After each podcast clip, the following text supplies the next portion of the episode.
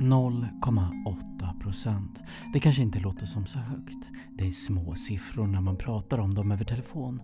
Men de blir stora på sikt. För du måste föreställa dig att du sparar över tid. Säg 40 år. Och säg att du sparar 10 000 kronor per år. Då har du satt in totalt 400 000 på 40 år.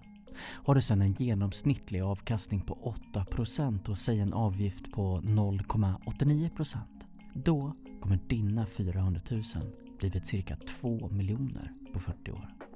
Värdet har alltså stigit 1,6 miljoner. Men jämför vi det med en fond som har en låg avgift, då får vi se en avsevärd skillnad.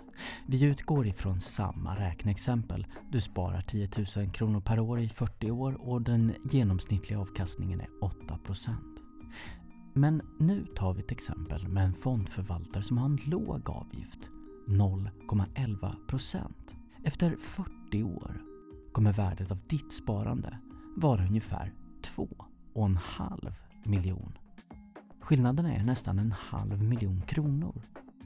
Och den där halva miljonen, den, den har du betalat din premiepensionsförvaltare.